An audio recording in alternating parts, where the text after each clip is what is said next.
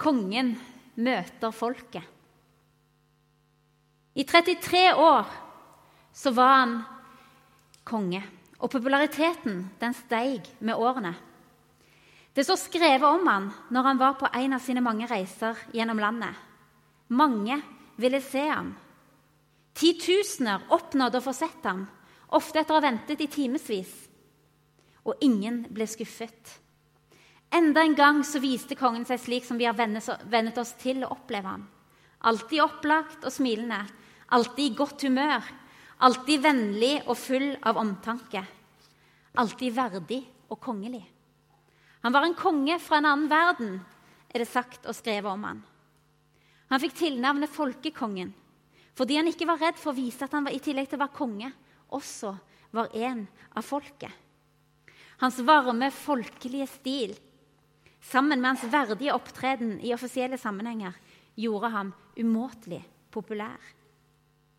'Kongen møter folket' heter boka VG skrev om han når han feira sitt 25-årsjubileum som konge. Denne kongen som spilte en så aktiv rolle i å gjenreise Norge etter krigen. Det var en jubileumsreise gjennom landet der det også ble sagt og skrevet disse ord. Vi er enestående heldige som har en monark som slik lever opp til alles bilde og følelse av hva en konge er og skal være. Ingen kan la være å beundre en slik mann. Kong Olav, folkekongen, var konge i 33 år. Palmesøndag handler om kongenes konge møte med folket. 33 år gammel så rir Jesus inn i Jerusalem. Folket venta forventningsfulle på han. De venta kanskje i timevis. Han ble ikke møtt med norske flagg, men med palmegreiner. Greiner Palmegreiner var et seierssymbol i Romerriket på den tida. Ingen rød løper ble lagt ut foran han, men folkets egne kapper. Ingen hurrarop, men en folkemengde som ropte Hosianna, velsignet er Han som kommer i Herrens navn. En allmektig gudekonge som hadde valgt å bli en av folket. Men i motsetning til kong Olav så ble mange, veldig mange, skuffa. Denne kongen svarte ikke til forventningene. Folket forsto han ikke. De forsto ikke budskapet hans, og de ble nok rimelig forvirra. Selv disiplene som hadde fulgt han i tre år, forsto ikke. Stemningsbølgen som var den søndagen han kom inn i Jerusalem, den la seg fort og ble på få dager til korsfest ham i stedet. Og For å forstå denne skuffelsen, denne dype skuffelsen over Jesus, så må vi se på israelsfolkets historie. I hundrevis av år så hadde Gud kommet med løfter og ord til folket om at en frelser skulle komme og befri dem. De venta på at Messias, som betyr den salvede, altså kongen, skulle komme. Og Parallelt i hundrevis av år så hadde ulike krigsmakter styrt verden med terror og sverd til hest. I Daniels bok så beskriver han de fire verdensrikene. Og En tolkning på det er at disse stormaktene, disse verdensrikene, var perserne, babylonerne, makedonerne med Aleksander den store i spissen og romerne. Og nå var det romerne som regjerte i Israel. Romerne hadde et jerngrep om folket og landet. Og det var terror, det var frykt, og det var underkuelse. Og det er nå Jesus kommer inn i Jerusalem. Den gryende forventningen om at Jesus var den salvede kongen, frelseren som skulle komme, skapte en elektrisk stemning i byen. Forventningene var skyhøye. Men som sagt så svarer ikke Jesus til disse forventningene. Hvilken konge som skal beseire et verdensrike, kommer ridende på et esel? Esel var fredsdyret, symbolet på fred. Konger de rei på esler når det var fredstid. Når det var krig, så kom de til hest. Hva slags konge kommer inn på et esel for så å rasere markedsboder, snakke, komme med vedrop og klagerop, snakke om dom og ødeleggelse, sånn som Jesus gjorde? Han svarte ikke til forventningene som folket hadde.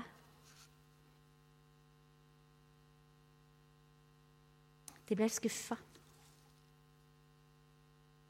Budskapet om kongen som skulle komme på et esel, leser vi allerede hos profeten Zakaria, eh, som levde om lag 500 før Jesus ble født. I Zakaria 9, 9 så leser vi, og det er dette både Matteus og Johannes siterer i evangeliene sine når de beskriver hva som skjedde palmesøndagen. Det står i Zakaria 9,9.: Bryt ut i jubel, datter Sion. Rop av glede, datter Jerusalem. Se, din konge kommer til deg, rettferdig og rik på seier. Fattig er han og rir på et esel, på en eselfole. Johannes skriver det at Disiplene forsto heller ikke det som sto skrevet. De skjønte ikke sammenhengen. De skjønte ikke koblinga. Enn at det var de som gikk og henta eselet. Jesus ba de gå og hente et esel. Hallo? Skjønte de ikke? Det står at først når Jesus var blitt herliggjort, husket de at dette sto skrevet om ham, og at folket hadde hilst ham slik som det sto skrevet. Verken folket eller disiplene hadde noen som helst forutsetning for å forstå det på mange måter. For ennå hadde ikke Jesus gjort fullbrakt det han var kommet for å gjøre. Han hadde ikke ropt ut ennå 'Det er fullbrakt'. Selvfølgelig forventa de at redningsmannen, kongen, seierskongen, skulle være annerledes. Som mennesker er vi sånn. Vi bygger oss opp forventninger ut ifra våre egne erfaringer. Ut ifra de omstendighetene vi lever i. Ut ifra våre ønsker og drømmer. Ut fra våre mål. Vi bygger opp våre forventninger om hvordan tingene i våre liv skal være. Og vi blir òg fort skuffa, tror jeg. Forventningene våre kommer av tidlige erfaringer og, og, våre ønsker. Ofte ser man ikke det store bildet før i etterkant. Og Dette gjaldt òg for disiplene i forhold til Jesus. Vi derimot, som sitter her i dag, vi har fått muligheten på et annet vis. Og for et privilegium for oss å kunne lese Guds ord i sin helhet. For et privilegium. På mange måter kunne en også kalt denne boka for 'Kongen møter folket'. For det er gjennom sitt ord at kongen møter oss. Det er her sannheten blir åpenbart. Her står alt vi trenger, åpenbart ved Guds hellige ånd. Når Jesus senere i påskeuka står for Pilatus, så blir han spurt er du jødenes konge. spør Pilatus. Romerske Pilatus, er du jødenes konge? Jesus svarer han, min kongsmakt er ikke av denne verden. Og Senere ut i avsnittet så fortsetter han, du sier at jeg er konge. For å vitne om sannheten er jeg født. For å vitne om sannheten er jeg født. Og derfor er jeg kommet til verden. Hver den som er av sannheten, hører min røst. I 5. Mosebok så står det om Guds ord, om sannheten, om budet. Det Jesus var kommet for å vitne om.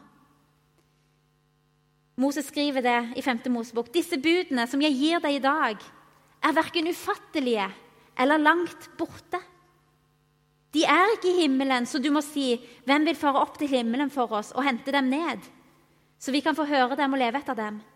De er heller ikke på den andre siden av havet, så du må si, 'Hvem vil dra over havet for oss og hente dem?' Så vi kan høre dem og leve etter dem.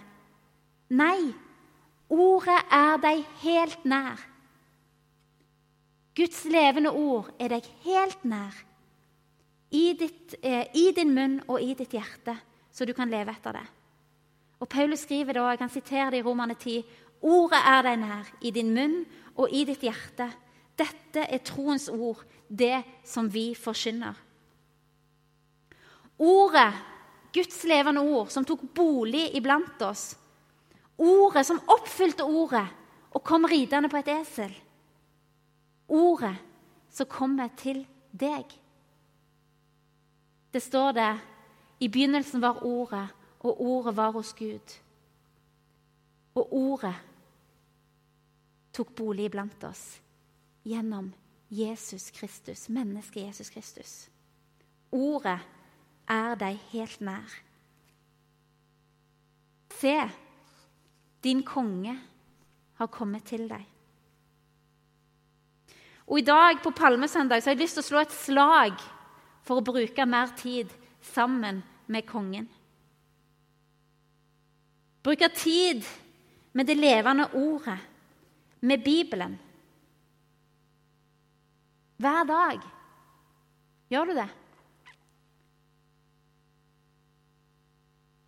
Jeg kan være den første til å innrømme at det er vanskelig. Jeg skal ikke ta en håndsoppregning, men jeg syns det er sabla tungt å daglig åpne ordet og lese. Og iallfall når jeg ikke har gjort det på en stund. Da er det seigt.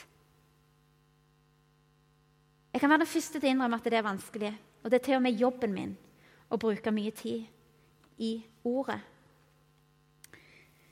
Så en frukt av familiebibelskole der det var pålagt lønnkammertid hver morgen Og vi måtte nesten stå til rette for at vi hadde hatt brukt lønnkammertida vår rett.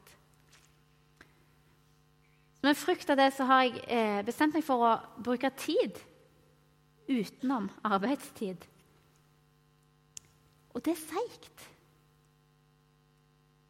Men, Og det krever disiplin, og jeg er ikke den mest disiplinerte alltid. Men når jeg gjør det Ikke med en gang, ikke første dagen, ikke andre dagen, ikke tredje dagen, ikke fjerde dagen, men smått, litt etter litt, så merker jeg rikdommen i ordet.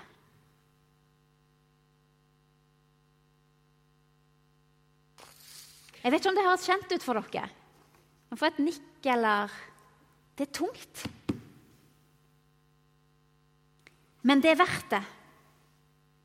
For sakte, men sikkert så skjer endringen når vi velger å la kongen møte oss i sitt levende ord. Det står òg det at Guds ord aldri vender tomt tilbake.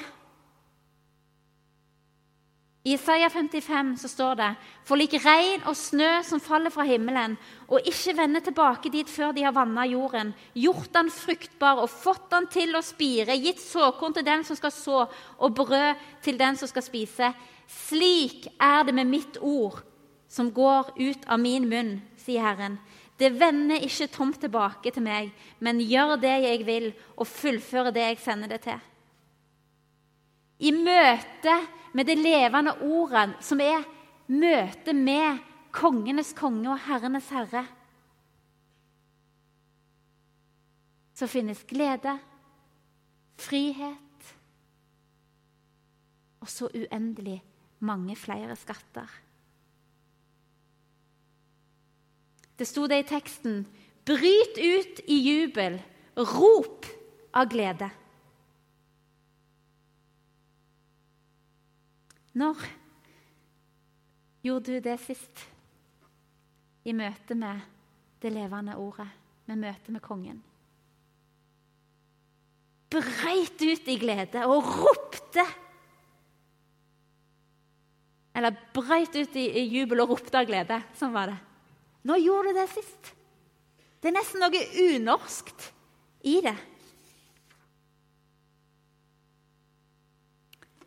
Vi kom inn på en gudstjeneste i Kenya for noen uker siden. Vi hadde hørt om en stor menighet. Hun som fletter håret på Elina på meg. og satt og fortalte om denne menigheten. Og vi fortalte og fortalte, og fortalte. tenkte vi må nå gå og besøke denne kirka.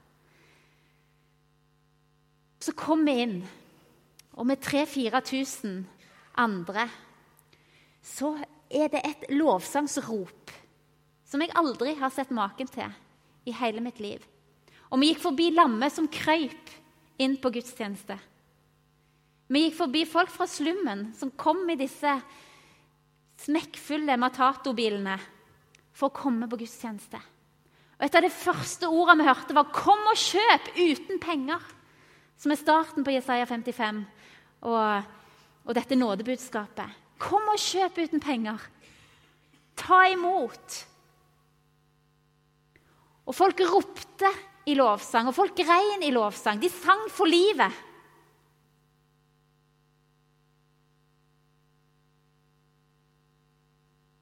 Jesus sier det. Livet er mer enn maten og klærne. Livet er mer enn maten dere spiser, og klærne dere kler dere med. Og det ble sant for oss i slummen, der veien var så kort fra sorg til glede. Flere glade barn har ikke jeg truffet i mitt liv. Det var helt fantastisk å komme inn på en av disse skolene i slummen og bli omringet av glade barn. Når Torfinn dro gitaren, så hoppa de og ropte av glede og sang. Av full hals. De sang for livet. Skal jeg spille luftgitar her? Ikke verst.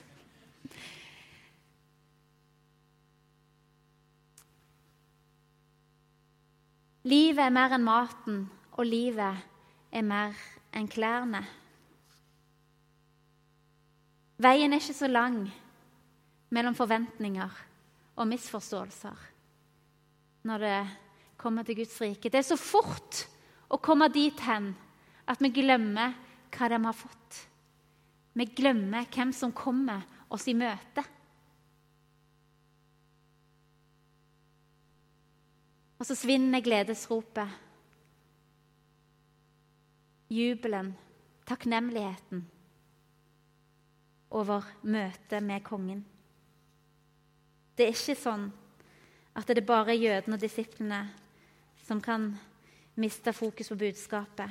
Vi står alle i fare for å miste fokus. Miste gleden og jubelen som hører med til budskapen om kongen som er kommet til oss. For det er en kamp om tiden vår, det er en kamp om oppmerksomheten vår. Det er en kamp om livene våre. Og det må vi ta på alvor. Det er en som ikke vil at vi skal bruke tid i møte med kongen. Og jeg tror Det er derfor også det er så seigt for oss å ta opp Guds ord og lese det og grunne på det og la det virke i oss. Det er så vanskelig å komme kongen i møte. Ikke bare gjennom ordet, men på alle måter. Men i dag er det ordet jeg har lyst til å løfte fram.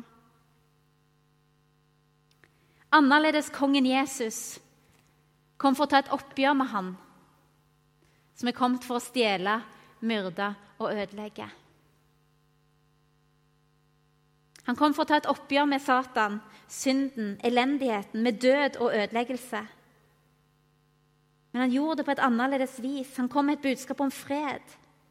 Og han tok straffen på seg, som det står, for at vi skulle finne fred.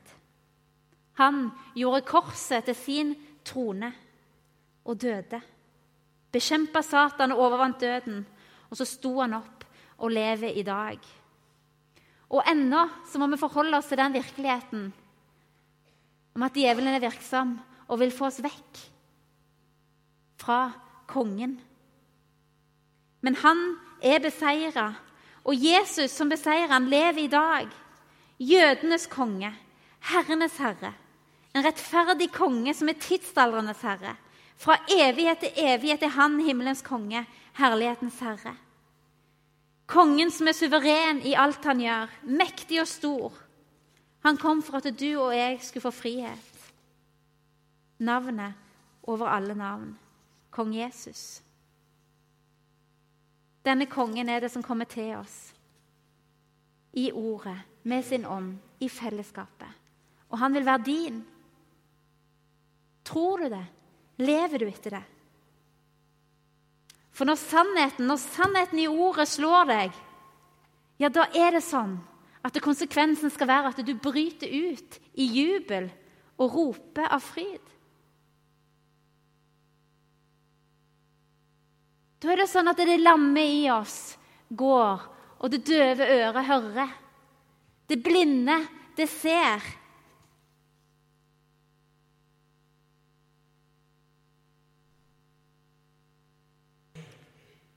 Det er sånn at troen kommer av budskapet en hører, og budskapet kommer av Kristi ord. Paulus skriver òg 'La Kristi ord få rikelig rom hos dere'. Dette er ikke for ingenting.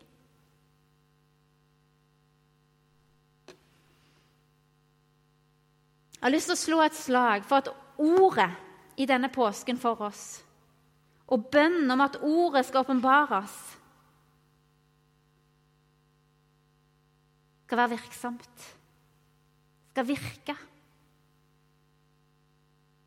Min bønn er at det påskeuka som ligger foran oss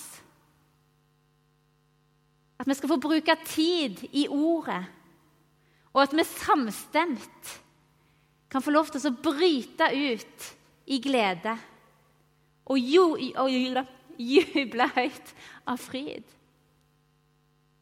For vi har all grunn til det. Kongen er kommet til oss. Kongen har kommet oss i møte. Og alt om han står i ordet.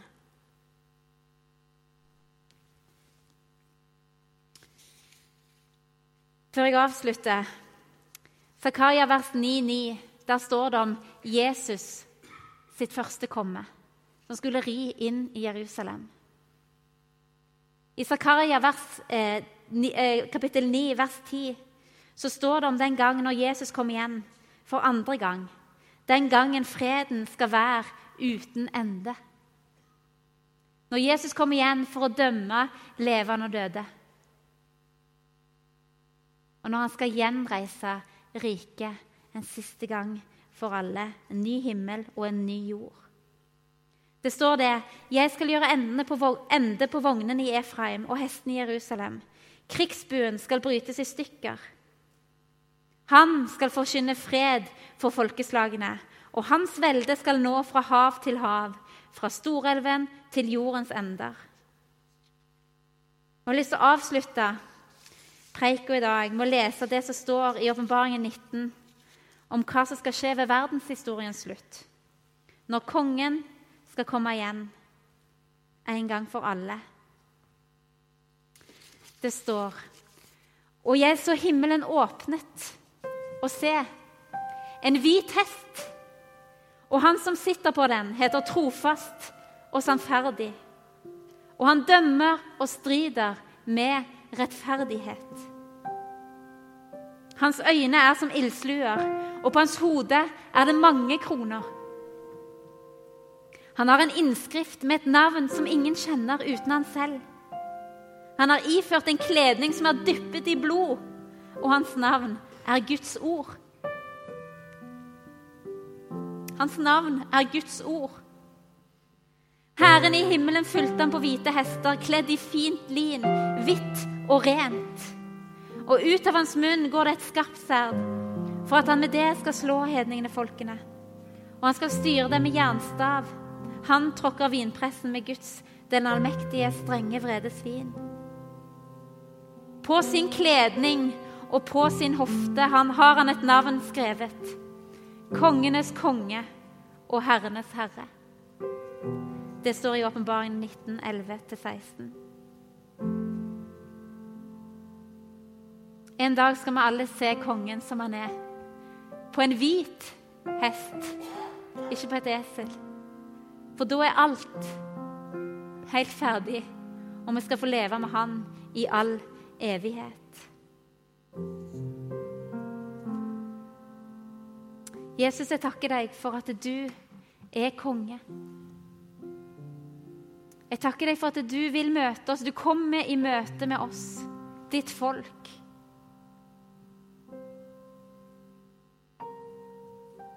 Og du har så mye for oss, Jesus. Det er så uendelige rikdommer som finnes i deg, Herre. Og så går vi glipp av så mange av de, far. Og Herre, jeg har bare lyst til å be om at du skal se i nåde til oss og hjelpe oss, sånn at vi søker deg, Herre. At vi søker deg mer, at vi søker deg dypere og bredere, Herre.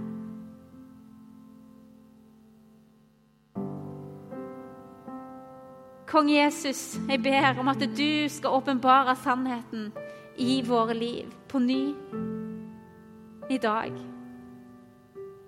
Og hjelp oss så vi tar i bruk det du har gitt oss, ditt hellige ord. Ditt navn er Guds ord.